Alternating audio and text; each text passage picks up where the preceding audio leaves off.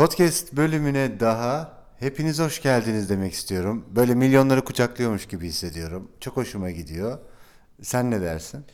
Ee, herkese merhaba. Ben Emrah.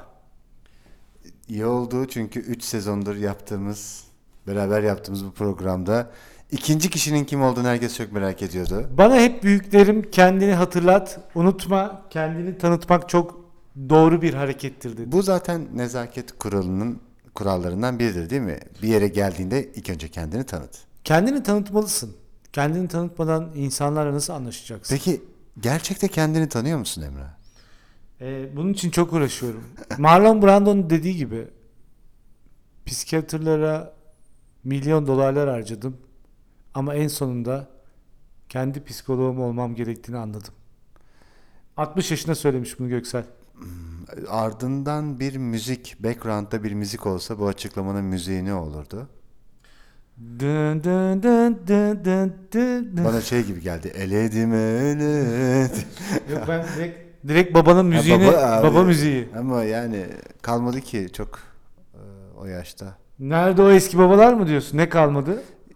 Şu, hayır, o filmi, o açıklamayı yaptığı haliyle, filmdeki hali falan tabii ki e, o filmini hatırlıyoruz ama bana biraz uzak geldi nedense. O yüzden o müziği alamadım. Anladım. Bugünkü konumuz ne biliyor musun? Çok heyecanlıyım bilmiyorum. Statü endişesi. Statü endişesi mi? Evet. Sevgili filozof dostumuz Alain de Bottom'un da yazdığı gibi Alain Delon diyeceksin zaten. Alain, Alain, Alain- de Botton veya Botton ikisinden biri. E, filozof dostumuzun da e, tam 12 baskı yapan e, Sel yayınlarından yayınlanan Statü Endişesi adlı kitabından partlarla e, gerek kendi yorumlarımız gerekle Alain Bey'in yorumlarıyla statü endişesini konuşacağız Emrah. Hazırsan başlıyorum. Hazırım.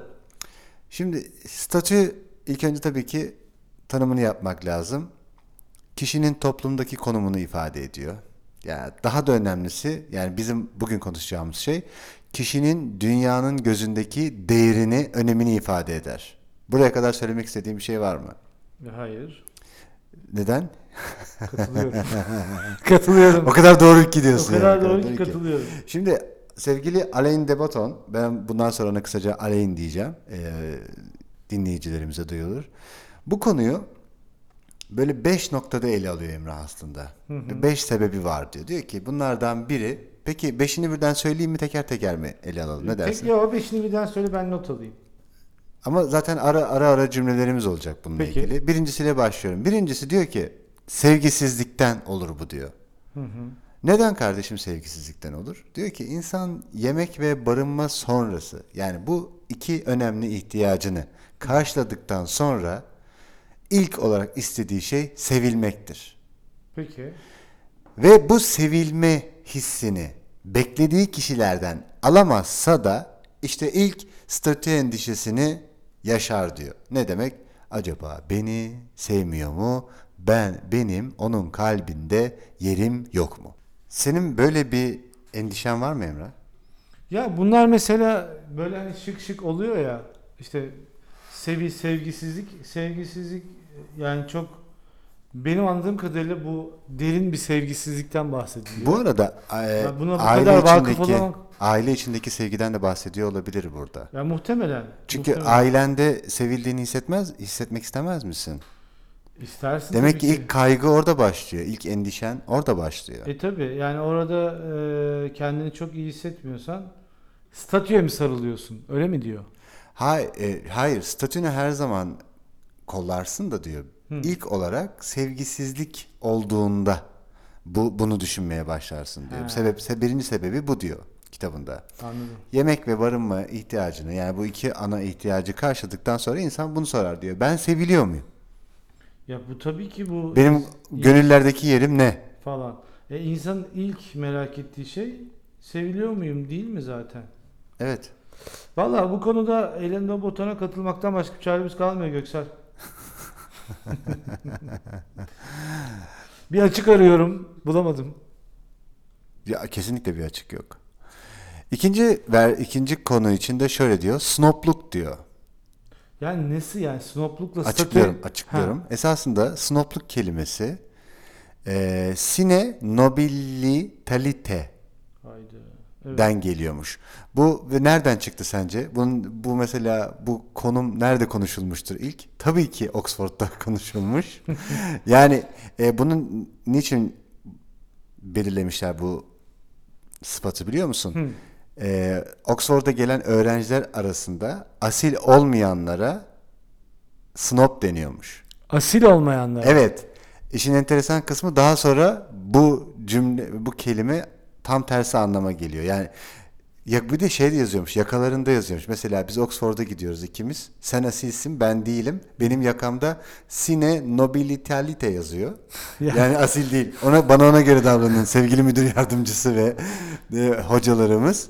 Beni ayırıyorlar böylece. Ya bu İngiltere'deki kast sistemi de kardeşim ne hem görünmez hem de Ağzın bir o kadar da görünür değil mi ya? İşte adam belirliyor hemen. Kardeşim ona göre davranın diye. Ama sonra ben ve benim gibiler öyle bir hale geliyoruz ki biz yüksek statünün yokluğundan rahatsız oluyoruz. Yani burada bir statü olması lazım kardeşim. Ya biz yerimizi bilelim. Yine bir bu da bir Hat bildirimi değil mi bu ya? evet bu da bir e, Aleyn abi biz veya Aleyn beyefendi veya sevgili filozof bu da bir diyor statü endişesi yarattı bu kişilerin arasında da diyor.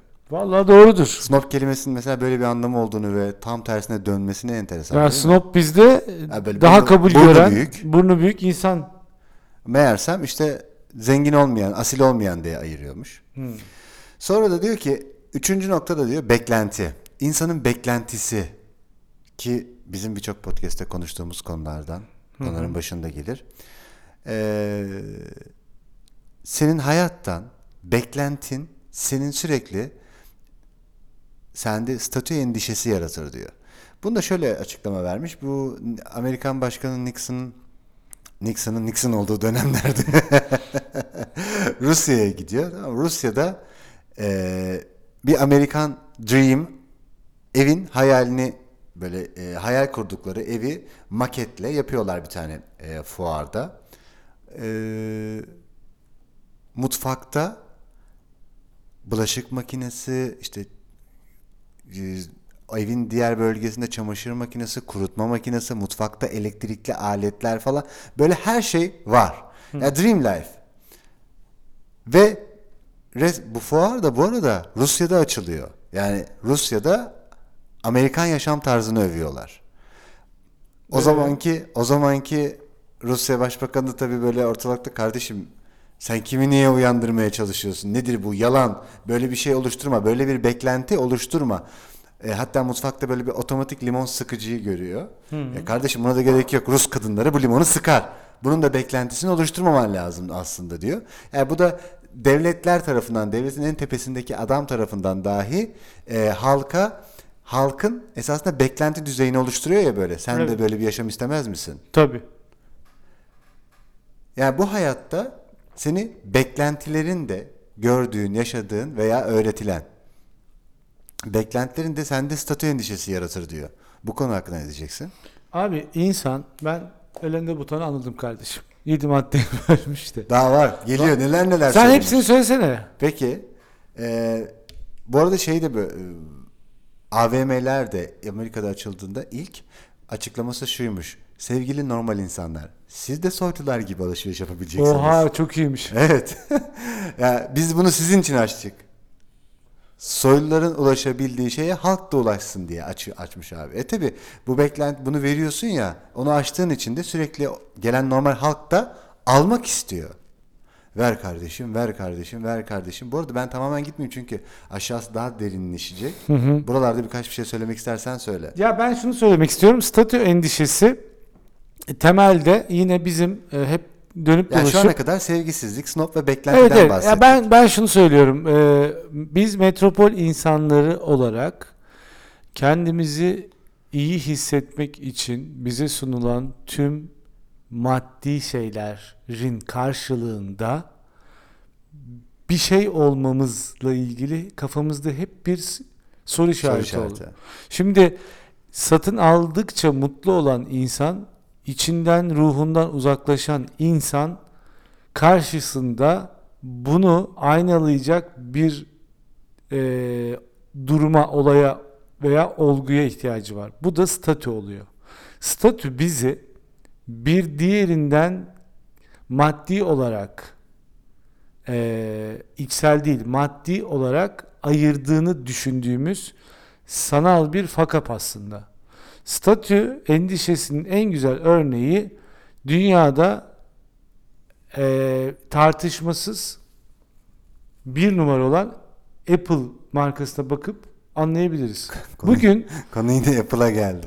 başka çaremiz yok. Bugün Kahramanmaraş'ın bir köyünde bile bile olsan kendini maddi olarak iyi hissettiğini göstermek için bir iPhone sahibi olursun. Bugün dünyada İşte statü. bugün dünyada en alt düzeyde çalışan, asgari ücretli çalışan bir vatandaş ilk yapmak istediği şey iPhone almak. Ee, bu o kadar önemli bir şey ki e, bununla ilgili e, Andy Warhol'ün geçenlerde bir bir kitabı var onu okuyorum. A'dan Z- Z'ye Andy Warhol diye. O kitapta diyor ki o dönem Andy Warhol'ün yaptığı e, bu kiç e, bir takım işte Coca-Cola e, o, o dönemin ünlülerinin e, işleri post e, e, modern işler, pop art işlerinde adam diyor ki şimdi diyor bir yani statü açıklayacağım sana Göksel çok iyi bir örnek bu. Coca-Cola herkese ulaşıyor ya. Yani bu Apple gibi bir şey. Bu Coca-Cola içmenin esprisi aslında Coca-Cola'nın bu kadar küresel bir marka haline gelmesi sebebi şu. Coca-Cola tam 3 liraya veya 3 paraya diyelim. Yani dünyaya vuralım bunu. 3 paraya senin de benim de efendime söyleyeyim e, Tarkan'ın da Milyonerinde. e, e, Obama'nın da içtiği bir şey. Ve herkes aynı paraya bunu içiyor. Yani sen Coca-Cola içtiğin zaman aslında kendini statü olarak benimle, Obama'yla, Tarkan'la artık aklına kim geliyorsa kim senin için önemliyse onunla aynı yere getirmiş oluyorsun. Bu dünyada başarılmış müthiş bir konudur. İşte statü endişesi tam burada çalışmaya başlıyor. Burada Coca-Cola içmek, pardon sözümü bitireyim. Coca-Cola içmek, Apple Watch takmak, iPhone sahibi olmak aynı etkiyi yaratıyor. Çünkü iPhone sahibi olmak için ben de sen de Obama da bir Apple'a girip yaklaşık 10 bin lira veya 5 para birimi verip aynı koşullarda aynı hizmeti alıyoruz. ya burada Apple daha doğru örnek galiba. Hayır hayır Coca-Cola da çok doğru. Hayır. Se- Seni hiç yanıltmasın. Ama Coca-Cola'nın nerede küresel olması ya. Hayır hayır. Coca-Cola'nın küresel olmasının temel sebebi bunun yarattığı maddi karşılığı değil. Bunun yarattığı statü karşılığı. Bu çok önemli bir konu. Dolayısıyla Apple daha büyük bir paraya verdiğin bir şey. Evet anlıyorum söylemeye çalıştığını ama fark etmez. Coca-Cola da bugün buraya geldi. Şu an önemli değil Coca-Cola. Dikkat edersen Coca-Cola ben 1960'tan bahsediyorum. Şu an tabii aynen. öyle. 1960 senesinde Coca-Cola içmek Apple Watch veya iPhone takmak kadar ehven bir konuydu. Yani sen bunu içtiğin zaman kardeşim ben de içiyorum Nixon da içiyor diyor adam. Marilyn Monroe da aynı şeyi içiyor. Aynı tadı alıyoruz. Aynı dükkandan, aynı bakkaldan gidip bunu alıyoruz. Aynı parayı verip alıyoruz. Dolayısıyla biz o anda statü olarak eşitlenmiş oluyoruz. İşte bizim endişemiz yani bu zavallı varlığımız duygusal olarak doymadığı için yani e, elinde boton söylediği o sevilmemek. E, diğerlerini söylesene. Sevgisizlik, Sevgisiz. snobluk, beklenti. Beklenti vesaire işte bu içsel dünyandaki birçok karmaşık hikaye, travmaların vesaire burada doyurulmadığın için özellikle metropol insan için söylüyorum. Burada ben neredeyim, ben kimim sorusunun cevabı ya BMW'da var ya Apple iPhone'da var. E, efendime söyleyeyim işte e, çok pahalı bir sinema salonuna gidip e, üç boyutlu bir şey seyretmekte var. E, ya da giydiğim bir kıyafette var yani bir Gucci almak. Ama bütün bu kendini sistemin paralamakta var. içinde kendine saygı eşittir başarı bölü beklentiler olarak geçiyor artık. E tabii şimdi başarı dediğin şey bak aslında çok özet iyi bir yerdeyiz. Eğer sen başarıyı içsel başarı olarak duygu durumunun dengesi balans olarak görmüyorsan bu sefer bunu dışarıda bu aramaya çalışıyorsun. Nerede arayacaksın? Statü simgeleri statünün karşılığı olan şeyleri satın almakta ve hayatını buna vakfetmeye başlıyorsun. Bütün paranı buna harcamaya başlıyorsun. Ben şunu sana şunu soruyorum. Bugün herhangi bir asgari ücret veya biraz üstü e, bir vatandaşta iPhone olmasının onun komünikasyonuna ya da kendi çevresine karşı nasıl bir farklılık yaratıyor ki? Ah iPhone kullanıyor be. Vay be. Falan mı diyecekler? Yo. O temelde kendisi için bunun kendini göstermek, kendini bulmakla eşdeğer hale getiriyor. Gustosu var denmez mi? Denemez ki gustosu olması için kendisinin de uğraştığı bir konu çoğu kimsenin kullanmadığı, çoğu kimsenin takmadığı, çoğu kimsenin gitmediği, çoğu kimsenin okumadığı bir konu hakkında derinleşmiş olman. Gusto budur. Gusto Amerika'nın Amerika'nın küreselleşme politikasında ve metropolleri kurmaları yani İngiltere ile birlikte bunların emperyalist olarak bunların baş- başardığı şey markalama değil abi. Bunların başardığı şey maddi olarak statü simgesi yaratabilecek ürün üretmeleri. Bence bu dünyada özellikle küreselleşen ve kapitalist düzenin bir numaralı problemi veya buluşudur. Dolayısıyla Coca-Cola 1960'larda neyse 2000'lerde de Apple buna karşılık geliyor. Dördüncü şık olarak meritokrasi diyor. Meritokrasi. Evet ne olduğunu bilir misin? Açıklayayım mı? Lütfen. Meritokrasi yönetim gücünün yetenek ve kişilerin bireysel üstünlüğüne yani liyakata dayandığı yönetim biçimidir. Bu yönetim şeklinde idare gücü üstün özellikleri olduğu düşünülen kişiler arasında paylaştırılmalıdır, kayırma yoktur diyor. E, meritokrasi de statü endişesi mi yaratır? Şöyle diyor ki toplumsal hiyerarşide diyor aşağıda aşağı basamız basamakta yer almak pek hoş olmasa da bu her zaman tarih boyunca da her zaman böyle olmamıştır diyor. Şimdi sen bu yeteneklileri de yukarı çektiğinde esasında diğerlerine de yeteneksiz diyorsun ya. Evet.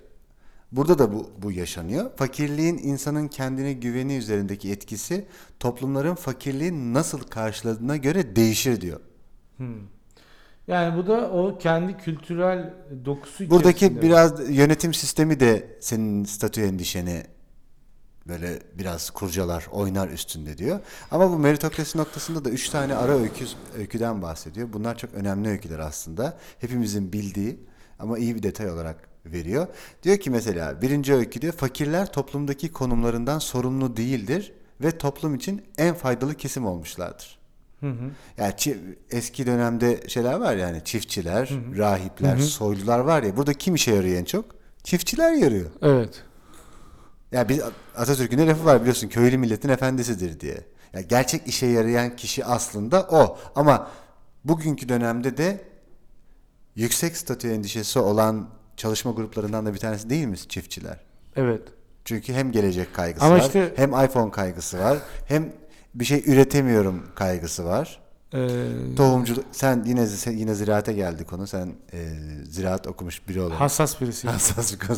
Damla sulamaya girmeyeceğim tabii ki. İkinci konuda diyor ki alçak statü. İl, alçak statüde ilahi ahlakla dünyevi konum arasında bir eşitsizlik olması mümkün diyor. Nasıl yani dersen örnek İsa. Dünyada, dünyadaki konumu oldukça kötü değil mi? Evet. Ama inanılışa göre de ahiretteki konumu çok yüksek. E, fakir insanlar da onun peşinden gidiyor. Ya bu alçak statü dünyada ama onda onu da vaat ettiği diğer tarafta hocam büyük bir statü cennet sizin için hazır deniyor. Evet. O orada yalnız Bu da yönetimin içsel dünyayı düzenleyen bir statü anlayışı var. O da enteresan. Hani maddi olarak öbür tarafı da düşündürüyor. Asıl evet evet ya ama yani orada da bence e, insanın vicdanını devre dışı bırakan birçok konu var yani teolojik olarak. Ya bu Bir de bir de çok dağılmadan esasında e, geçmiş dönemde de zenginler günahkardır, yozdur ve zenginliklerini kardeşim fakirlerden çalarak edinmişlerdir diye bir başlık var ya.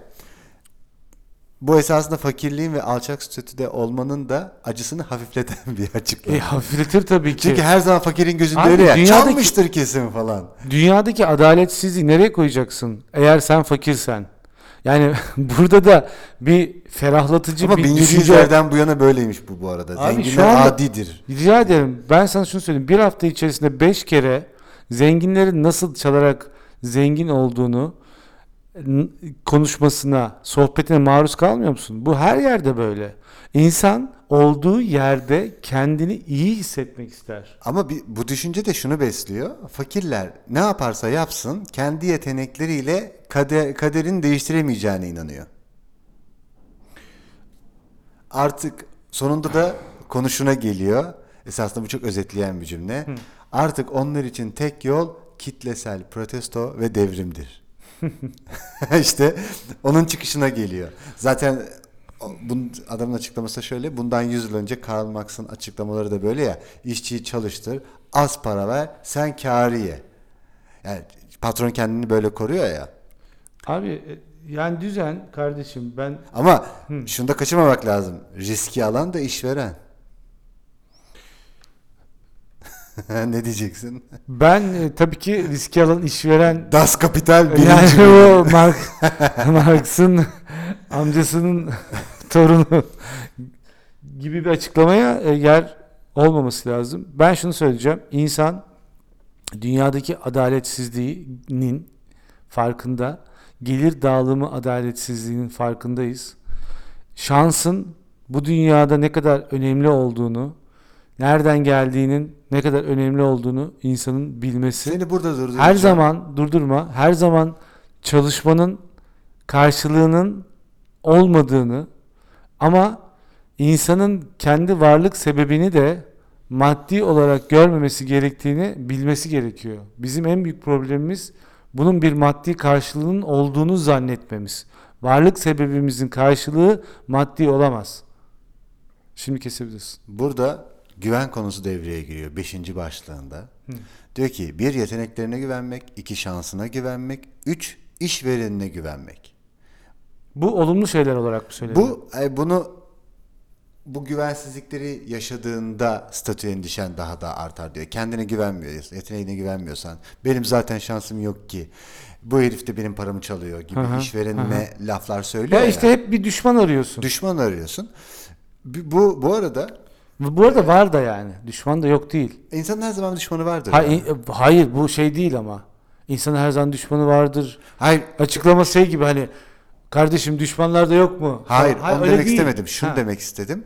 İnsan her zaman hak kendini e, içinde bir yerlerde konunun ne olduğunu biliyorsun fakat sen doğruyu biliyorsun ama insan kendini bir noktada yani yaşayabilmen için depresyona girip sürüklenip ölmemen için haklı hissetmen gerekiyor ya. O yüzden hep bir düşmanın var. Bu düşmanın o sırada da içinde aramıyorsun bunu. Yani yete- benim bir yeteneğim var mı? Var olan yeteneğim çalıştırarak geliştirdim mi? Demiyorsun. Hemen şansına ya ben zaten denedim olmadı ama fikirler denedi kardeşim yaptı. İnsanda biraz şans olacak. Ya benim zaten babam da böyle yapmış. Ya bizim aile zaten böyle geliyor. Ya böyle bir düşmandan bahsediyorum. Anladım ama işte o da karşılaştırmaya giriyor. Karşılaştırma da çok büyük bir düşman. Evet. Yani insan öyle. insan kendini başkasıyla karşılaştırmaması gerekiyor. Ya bu arada bir şey söyleyeceğim Göksel. Tutup da şunu da söylemeyelim. Yani bazıları gerçekten şanslı doğar. bazıları doğru. Evet doğru. Bu kesin yani. Sen İngiltere'de 1800'lerde 1900'lerin başında işçi sınıfının bir çocuğu olarak doğduysan ve bir metro inşaatında çalışıyorsan çok da fazla bir şansın yoktur yani. Ama şu an bize göre şanslı yine de. Bence değil. Değil. Niye? İngiltere'de Kaç kişi, kaç yüz bin kişi öldü o e, o tünelleri kazacak diye.